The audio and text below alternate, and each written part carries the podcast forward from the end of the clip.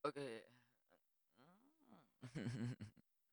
Halo YouTube, halo Spotify, gimana kabarnya? Semoga baik-baik aja. Oke, lama banget gak buat podcast di upload di YouTube maupun Spotify. YouTube juga udah mulai udah mulai nggak upload berapa lama ya di YouTube terakhir saya streaming itu tiga minggu lalu atau berapa gitu. Dan kali ini gue mau bahas soal nggak bahas kayak cuma mau cerita-cerita sedikit soal kenapa saya tidak upload lagi? Kenapa saya nggak buat podcast lagi? Kenapa gue nggak ya gimana ya? Jadi gini yang uh, yang pertama selamat datang dulu buat kalian yang baru join atau yang baru denger podcast gue di Imang Cups. Terima kasih yang udah mau denger. Dan lucunya kemarin waktu podcast yang terakhir itu uh, ada hal unik yang bikin gue heran aja. Jadi kan di gue ngupload podcast itu lewat Anchor. Ya Anchor.fm nah di Anchor ini kalian bisa tahu soal dari mana aja sih negara mana aja yang dengar podcast yang kalian buat. Dan saya lihat ada negara yang unik di sini. Ada United States United Kingdom dan yang paling banyak dengar dari Amerika. Itu sih gimana ya? 69% dari Amerika cuy. Terus yang dari Inggris 13% Indonesia 8% kemungkinan orang-orang yang dengar podcast saya pakai VPN oh iya jangan lupa di follow uh, Spotify-nya Imang Cups sosial media gue juga udah ada Imang Cups double S dan YouTube juga udah ada kayak seperti nama IG atau seperti nama Spotify. Jadi uh, cerita lagi kenapa belum nggak uh, record-record podcast atau nggak upload lagi karena kemarin-kemarin adalah hari bulan bulan ini deh.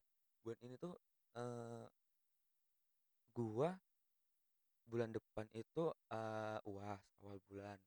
Dan bulan ini bulan akhir tahun ini adalah pengumpulan tugas-tugas deadline atau tugas-tugas akhir.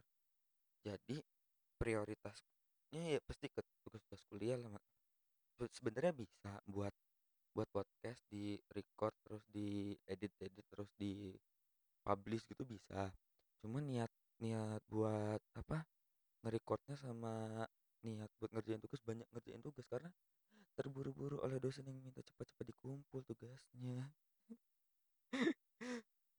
ya kayak mana ya gila gue ada tujuh mata kuliah dari tujuh mata kuliah ini empat itu minta tugas akhir di mana tiga dua dua ngoding eh satu buat laporan yang satu buat film yang satu itu buat uh, coding.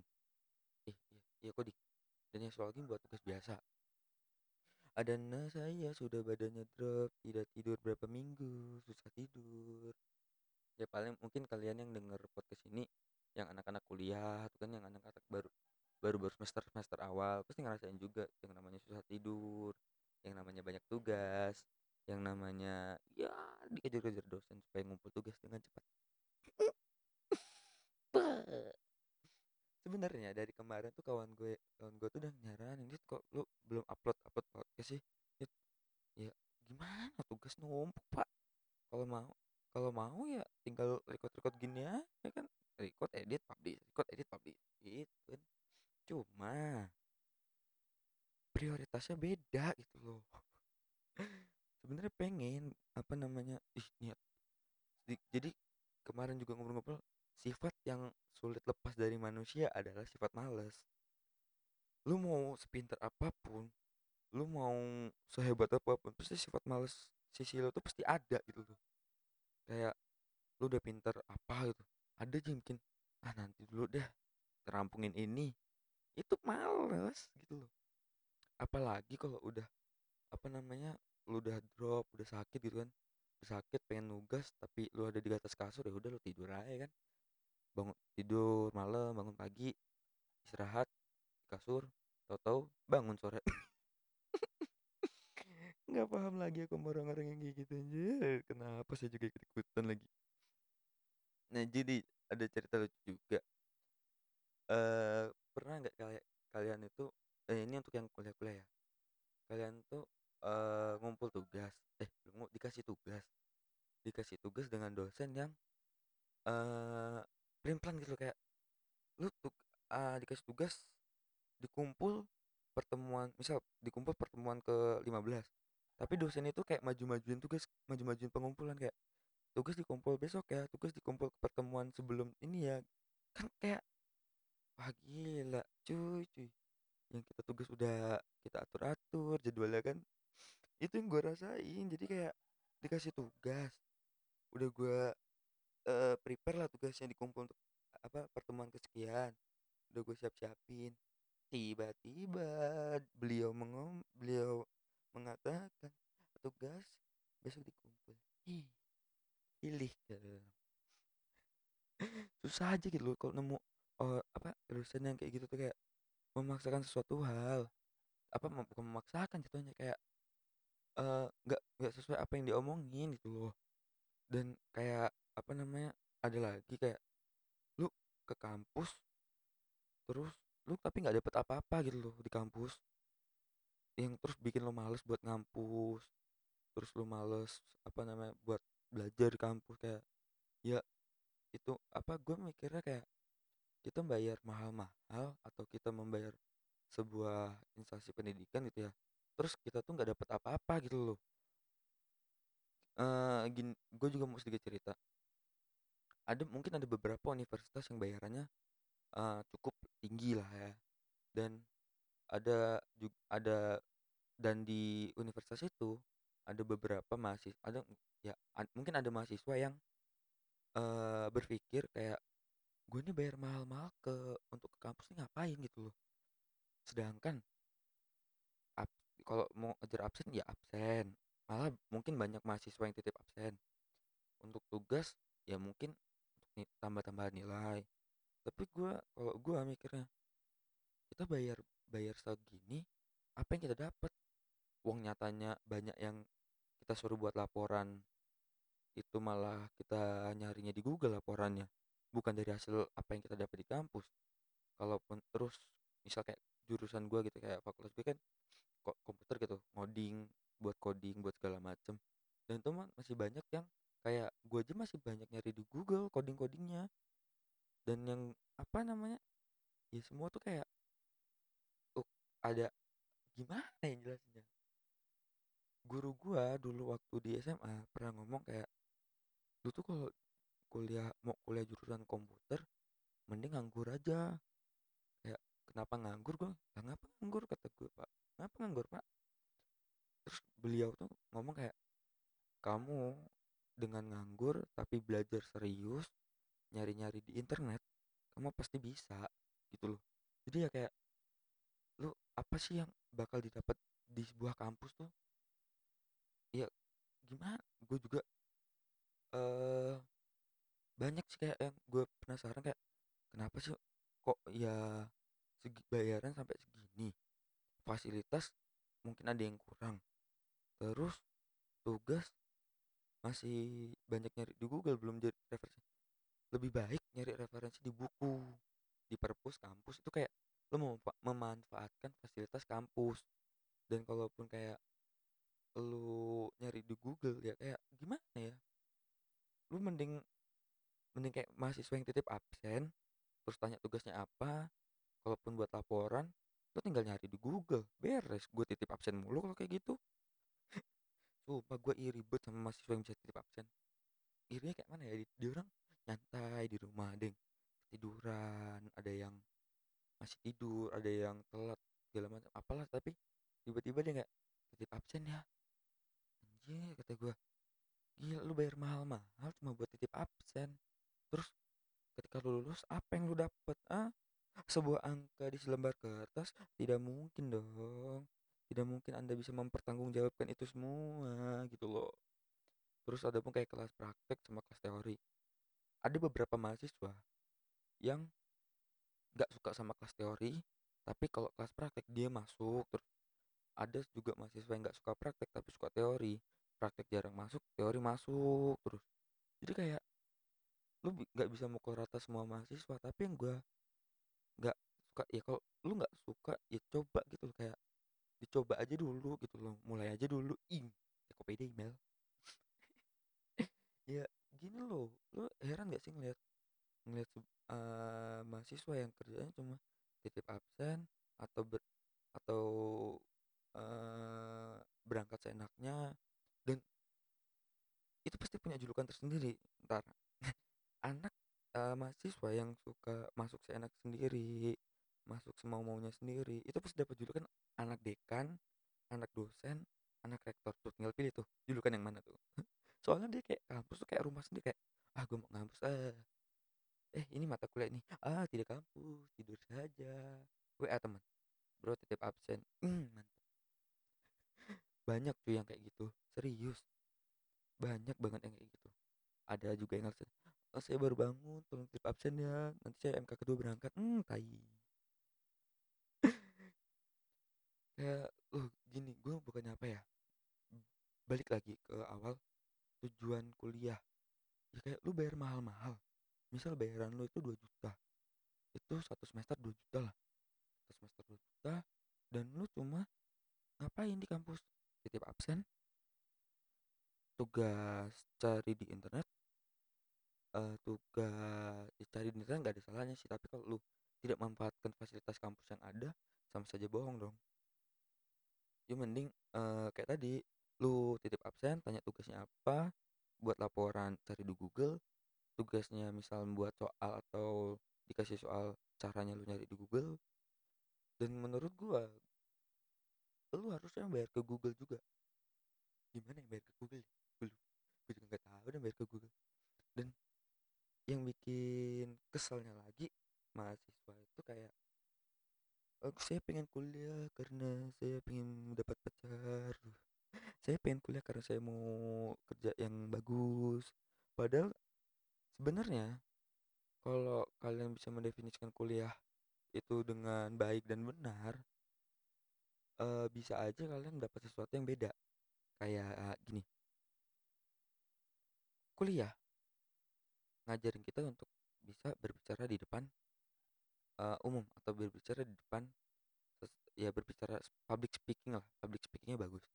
Tapi yang kita dap yang sering terjadi adalah eh, kampus memberi hanya hanya mengajarkan cara presentasi yang baik dan benar setahu gua sampai sekarang entah kalau di tahun-tahun ke depan atau semester-semester depan ada eh, mata kuliah yang eh, bisa mengangkat public speaking dan mungkin mahasiswa yang bisa public speaking adalah mahasiswa yang tergabung dalam sebuah organisasi, sebuah himpunan, atau sebuah kumpul-kumpulan gitu.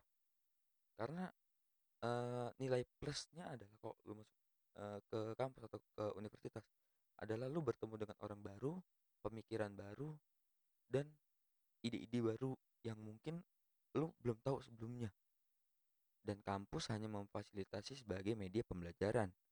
Sedangkan organisasi dan himpunan adalah media di mana lu mengembangkan diri lu sendiri. Ibarat gini, eh kampus untuk melatih otak lu, otak otaknya, otak lu dan himpunan, organisasi dan kumpulan akan mengubah kepribadian lu menjadi eh, kepribadian yang baru yang menemukan ide-ide baru yang bisa menjadi menjadikan lu yang baru. Perubahan itu akan terasa ketika lu merasakan perbedaan lu yang sudah tergabung dalam himpunan, kumpul-kumpulan, yang sering kumpul, yang sering aktif, dengan lu yang masih SMA atau lu yang masih belum tahu tentang sebenar-benarnya organisasi atau sebenar-benarnya kumpulan kayak gue contohin kayak SMA kita mungkin dulu ikut OSIS, eh, kita mungkin dulu ikut PMR, terus pramuka dan segala macam. Mungkin itu hanyalah eh, organisasi-organisasi yang kecil dan terbatasi karena lu masih SMA.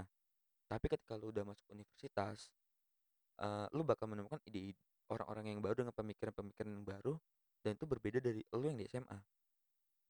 Bukannya gua universitas adalah eh, kalau himpunan organisasi organisasi itu baik baik atau lebih baik dari organisasi atau kumpulan yang nggak di universitas. Be- sebenarnya definisinya sama. Organisasi, himpunan, kumpulan, pergabungan apalah pokoknya itu yang ada di kampus ataupun mau di luar kampus itu sama-sama untuk mengembangkan kepribadian lo untuk membuat pemikiran lo lebih lebih luas lagi karena bukan menurut gua bu- buku bukanlah bukanlah satu-satunya jendela dunia tapi dengan lu bertemu dan berkumpul dengan banyak orang berkumpul dengan yang berbeda yang orang yang berbeda-beda dengan pendapat ide serta pemikiran yang beda-beda lu menemukan jendela-jendela yang lainnya. Buku hanyalah salah satu eh, dari sekian banyak jendela dunia. Dan yang bakal jadi masalah adalah ketika lu belum mau terjun atau belum mau melangkah ke sebuah kumpulan, himpunan atau organisasi, bahkan lu belum mau public eh, lu belum mau speak up saat presentasi di dalam kelas. Jadi anehnya ketika mahasiswa kebanyakan mahasiswa itu eh, ketika presentasi kita ambil di dalam kelasnya ketika presentasi banyak yang milih lebih baik jadi operator operatornya yang ini lo lu kalau lihat kawan lu yang cuma eh, PowerPoint tuh yang cuma mencet slide tep tep tep tep tep nah itu operator. Dia nyebutnya operator kayak perkenalan nama saya ini ini saya sebagai moderator dan kawan saya ini bla bla bla sebagai eh apa moderator pemateri dan sebelah sana ada yang namanya ini sebagai operator. Jadi kerjaan dia tuh cuma mencet mencet mencet mencet mencet. Mungkin iya kalau gue bersyukur kalau operator yang mencet-mencet itu paham dengan materi yang dia sampaikan. Kalau tidak buat apa anda anda loh sudah membuat materi nih. Percuma kalau anda tidak menyampaikan gitu loh. Berbagilah pengetahuan yang ada di dalam diri kalian kepada orang lain gitu loh. Eh, serunya ketika kalian berkumpul atau bisa public public speak up di depan orang kalian bisa membuat sebuah ide atau inovasi baru tentang pemikiran kalian. Belum lagi digabung oleh pemikiran orang lain yang bis, mungkin bisa lebih ba- lebih bisa bareng-bareng untuk lebih baik ke depannya untuk memajukan sesuatu. Misalnya, organisasi ini lagi kacau. Terus ada beberapa orang yang berpikir "Ki- harus gimana dengan organisasi ini? Tidak mungkin hanya satu orang yang berpikir. Pasti ada satu atau dua orang yang membantu untuk eh, ya untuk membantu untuk organisasi ini lebih eh, baik lagi ke depannya gitu loh. Kalau tidak begitu untuk apa diadakan reorganisasi? Eh, tolong ini mah ya, tolong. Jadi eh menurut gua adalah lu bakal sia-sia ketika lu membayar mahal sebuah universitas tapi lu nggak bisa mengembangkan apa yang ada di apa yang ada dalam diri lu sendiri. Lu sama aja membuang sebuah sebuah bongkahan. Lu sama aja membuang membuang sebuah harta karun yang belum lu buka dan lu buang sejauh-jauhnya dari hidup. lu. Kampus adalah sebagian kecil. Kampus adalah harta karun dan ilmu, pemikir ilmu, terus eh, himpunan organisasi adalah isi dari harta karun itu. Jadi kuliah itu wadahnya, ilmu, terus organisasi segala macam. Pokoknya ilmu itu adalah eh isi dari harta karun yang ada yang ada di dalam kotak harta karun itu yaitu kuliah. Dan ilmu yang didapat dari kuliah belum tentu lo bisa dapat kan di luar. Dan di luar ada ilmu yang belum tentu bisa lo dapatkan di eh, dalam kuliah. Jadi lu buat apa ngapal-ngapalin? Kalau gue ya berprinsip kayak lu buat apa sih ngapalin-ngapalin kayak gitu? Dan bagi gua ilmu yang lo apal-apalin tuh akan berbeda jauh dengan apa yang ada di lapangan. Jadi eh kalau gue bisa mungkin mengimbangi antara yang ada di buku atau yang ada di eh di kampus dengan realita, dengan realita yang ada di lapangan. Karena menurut gue sekarang itu apa yang diajarkan kampus sama apa yang terjadi di lapangan itu berbeda. Mungkin cukup ja- mungkin nggak cukup jauh, tapi perkembangannya perkembangan yang ada di luar itu lebih cepat dan lebih ini sedangkan kampus itu sedikit lebih menurut gue sedikit lebih lambat dari yang di lapangan maka dari itu apa maka dari itu gue selalu kalau kuliah nongkrong nongkrong dulu ngobrol-ngobrol sama kawan-kawan gue terus ngobrol sama kawan-kawan yang lebih tua dari gue biar gue tahu oh ternyata keadaan di lapangan tuh kayak gini. Oh fakta-fakta yang di lapangan tuh ternyata kayak gini. Sedangkan gue dapat oh ini. Jadi teori yang ada di kampus gue mencoba terapkan di realita berhasil atau enggak. Dan ada beberapa yang berhasil dan harus ada beberapa yang diinovasikan direnovasi. Jadi tolong uh, tolong buat seluruh mahasiswa yang mendengarkan podcast ini sama-sama buka jendela kita karena mahasiswa adalah bukan mahasiswa karena pemuda adalah kunci dari sebuah kesukses apa kesuksesan sebuah bangsa negara. Itu kata-kata kapan ya gue denger ya? Kemarin atau kapan gitu. Jadi ada kata-kata yang lucu dari kawan-kawan gue mahasiswa takut ini penutupan ya. Itu udah gue cukup ngoceh cukup lama ini udah teman gue kemarin bilang dia pernah baca buku dan mungkin gue setuju dengan statement dia gitu loh dan pernah terjadi di Indonesia. Jadi mahasiswa takut dengan dosen karena mahasiswa butuh nilai. Jadi otomatis takut sama dosen. Dosen takut sama dekan.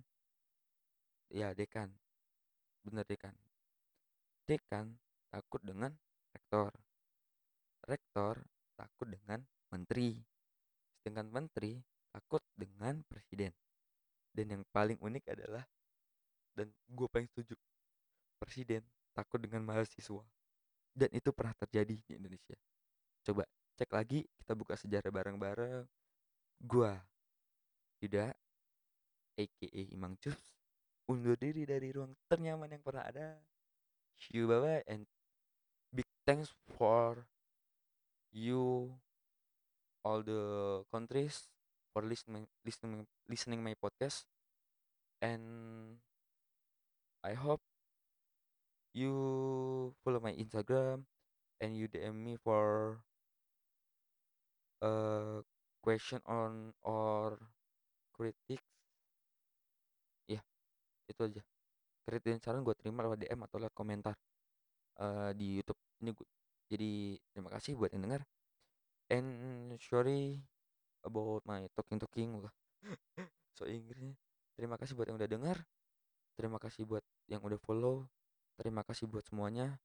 Terima kasih buat kalian yang udah dengarkan podcast ini. Dan sampai jumpa di lain kesempatan. Nama gue Yuda. Nama uh, panggilan gue Imang. Undur diri dari ruang ternyaman yang pernah ada. And see you in the next time. See you in the podcast. Jangan lupa senyum setiap hari karena senyum adalah sebagian dari sedekah. Terima kasih